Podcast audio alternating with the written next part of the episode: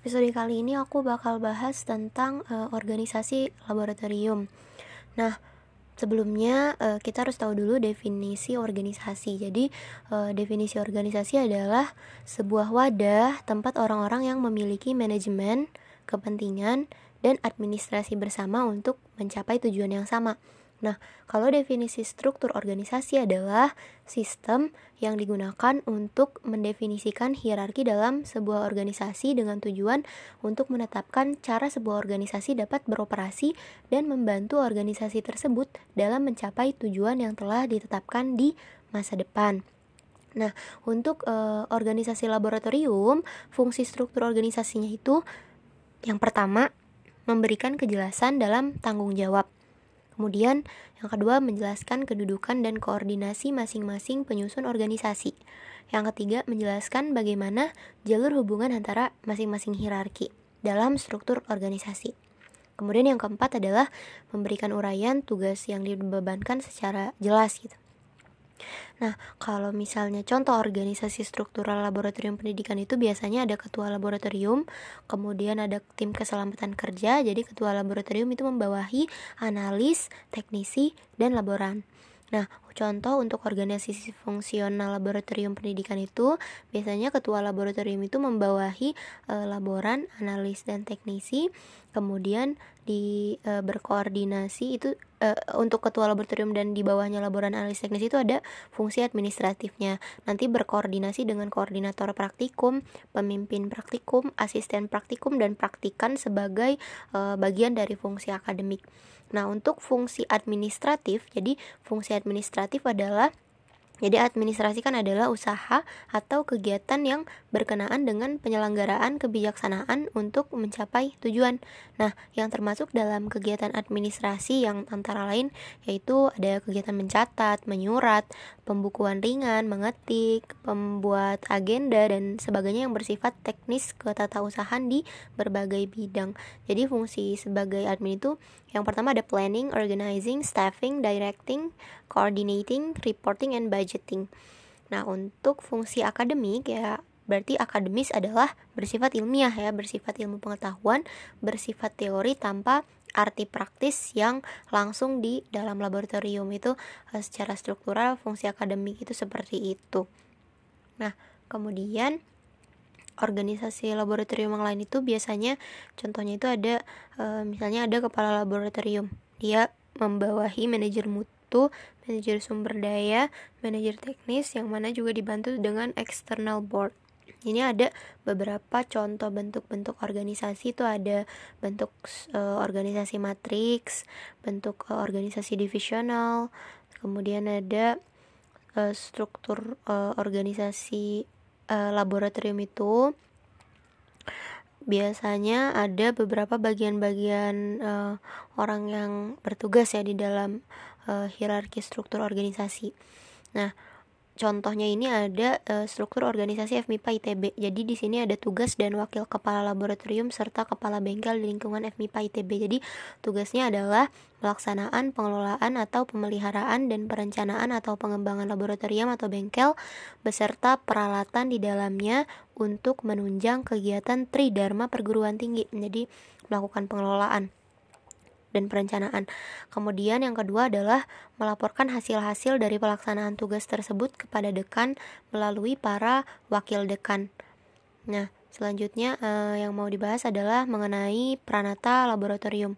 Pranata laboratorium adalah jabatan fungsional dalam dunia pendidikan yang sebelumnya dikenal sebagai laboran dan teknisi. Jadi, pranata laboratorium, pendidikan adalah jabatan yang mempunyai ruang lingkup tugas, tanggung jawab, dan wewenang untuk melakukan pengelolaan laboratorium pendidikan yang diduduki oleh pegawai negeri sipil atau PNS dengan hak dan kewajiban yang diberikan secara utuh oleh pejabat uh, yang berwenang ini ada peraturan Menpan nomor 7 tahun 2015 tentang peranata laboratorium. Jadi uh, pada pasal 3 dikatakan satu peranata laboratorium pendidikan berkedudukan sebagai pelaksana teknis fungsional di bidang pengelolaan laboratorium pendidikan pada instansi pusat dan instansi daerah.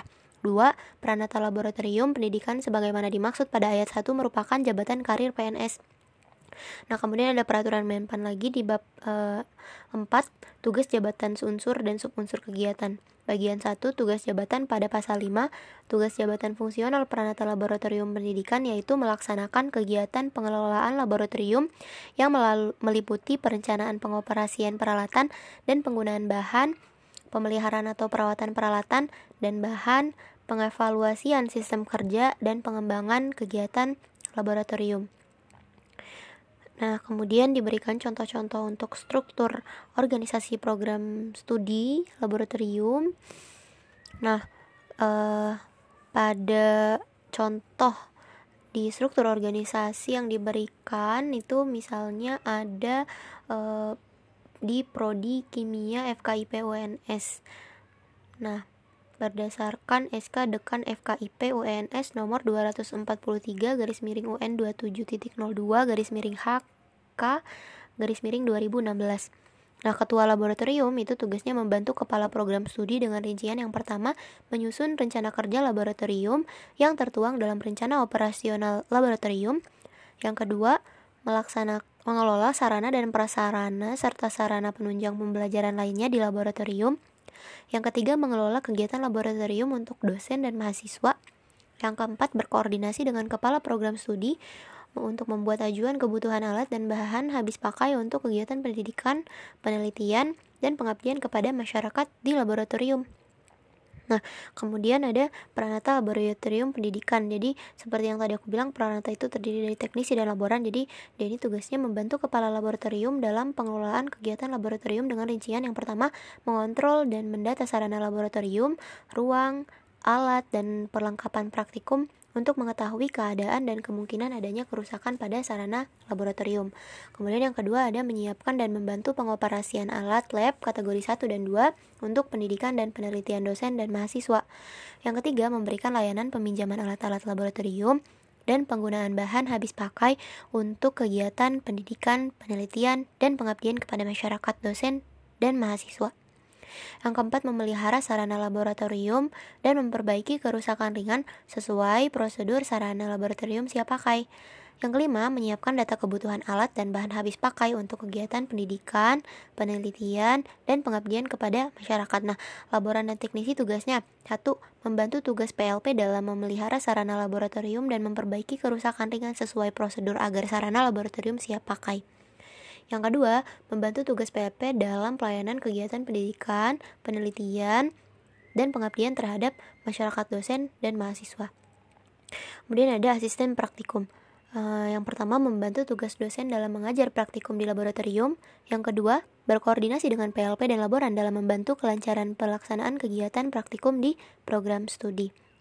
Nah, kemudian diberikan uh, labor beberapa struktur organisasi laboratorium. Jadi Misalnya contohnya ini ada laboratorium kimia biokimia pangan memiliki tugas dan fungsi terkait dengan penyelenggaraan praktikum, penelitian mahasiswa S1, S2, dan S3, penelitian dosen, kerjasama penelitian dengan instansi dalam dan luar negeri, kegiatan pengabdian masyarakat yang berupa pelatihan produk-produk hasil riset dosen, maupun pelayanan publik berupa pengujian sampel, magang, laboran, dan atau teknisi. Nah ini untuk lab biokimia uh, eh, UB ya. Nah, kemudian di UB juga tugas ketua laboratoriumnya itu juga diatur. Yang pertama ketua laboratoriumnya yang satu bertanggung jawab mengembangkan keilmuan sesuai dengan laboratorium yang dipimpinnya. Yang kedua, bertanggung jawab dalam pengelolaan dan pengembangan penelitian, sarana, dan prasarana serta sumber daya manusia di laboratorium. Yang ketiga yaitu mengembangkan payung penelitian yang strategis baik yang bertunjukan untuk menyelesaikan yang bertujuan untuk menyelesaikan masalah-masalah yang ada di masyarakat maupun untuk pengembangan keilmuan. Kemudian yang keempat berkoordinasi dengan BP3M di tingkat fakultas untuk diseminasi hasil penelitian laboratorium. Yang kelima melaporkan pelaksanaan kegiatan laboratorium kepada ketua jurusan. Nah, kemudian nanti ada tugas asisten ketua laboratorium di lab biokimia UB yang saat pertama, menerima dan mengecek laporan keadaan peralatan dan kondisi dari mahasiswa dan laboratorium, serta melaporkan ke ketua laboratorium. Yang kedua, membuat database mahasiswa yang bekerja di laboratorium yang bersangkutan dalam penelitian mahasiswa. Yang ketiga, menindaklanjuti keputusan ketua laboratorium terkait pelaporan kondisi peralatan dan keadaan laboratorium. Yang keempat, membuat rekapitulasi kebutuhan laboratorium secara periodik. Yang kelima, membantu praktikum termasuk penyiapan bahan praktikum. Yang keenam, setiap akhir bulan melakukan e, melaporkan perkembangan laboratorium kepada ketua jurusan. Kemudian, e, tugas dosen sebagai anggota laboratorium di lab biokimia UB. Yang pertama, menaati peraturan yang berlaku di laboratorium. Yang kedua, melakukan penelitian sesuai dengan payung penelitian laboratorium. Yang ketiga, ikut bertanggung jawab dalam kinerja dan kemajuan laboratorium. Yang keempat, menjaga etika dan keprofesionalan dalam bekerja di laboratorium. Kemudian tugas laboran menurut uh, lab biokimia ub.ac.id yang pertama adalah membantu pelaksanaan kegiatan praktikum, penelitian, dan pengabdian masyarakat di laboratorium. Yang kedua bertanggung jawab dalam pra terhadap peralatan alat dan inventarisasi sarana dan prasarana laboratorium. Yang ketiga bertanggung jawab terhadap kebersihan peralatan ke laboratorium. Yang keempat memberikan laporan rutin setiap bulan kepada ketua laboratorium berkaitan dengan kondisi bahan kimia dan mikroba, alat dan keperluan laboratorium. Yang kelima, melakukan pembersihan menyeluruh laboratorium secara rutin setiap enam bulan sekali. Yang keenam, bertanggung jawab terhadap uh, ketua laboratorium. Nah, ini ada juga beberapa uh, lab lain yaitu ada lab biokonversi teknik ub.ac.id. Ini ada ada kepala laboratorium yang membawahi secara langsung penanggung jawab penelitian, penanggung jawab praktikan, peranata laboratorium, yang mana uh, untuk penanggung jawab penelitian dan penanggung jawab praktikum itu juga membawahi dosen anggotanya. Fungsi kepala laboratorium berdasarkan SK Rektor nomor 289 tahun 2014 di uh, di Lab Biokonversi Teknik UB. Fungsinya untuk uh, sebagai penyusun program koordinator, serta penanggung jawab monitoring dan evaluasi seluruh kegiatan praktikum dan skripsi mahasiswa, penelitian, dan pengabdian masyarakat. Tugasnya yaitu merencanakan kegiatan pendidikan, penelitian, dan pengabdian pada masyarakat di laboratorium. Yang kedua, menyusun rencana operasional dan pengembangan laboratorium. Tiga, memberikan pelayanan bagi sivitas akademika untuk melakukan pengembangan ilmu pengetahuan, teknologi, dan seni. Yang keempat, menyiapkan jadwal kegiatan laboratorium. Yang kelima, mengkoordinasikan segala kegiatan akademik yang dilaksanakan dalam laboratorium. Yang keenam, melakukan pembinaan kepada anggota laboratorium. Yang ketujuh, menjalin kerjasama dengan pihak luar dalam langkah resource sharing dan pemberdayaan laboratorium. Yang kedelapan, melakukan pemantauan dan evaluasi atas ketersediaan sarana dan prasarana kegiatan dalam laboratorium.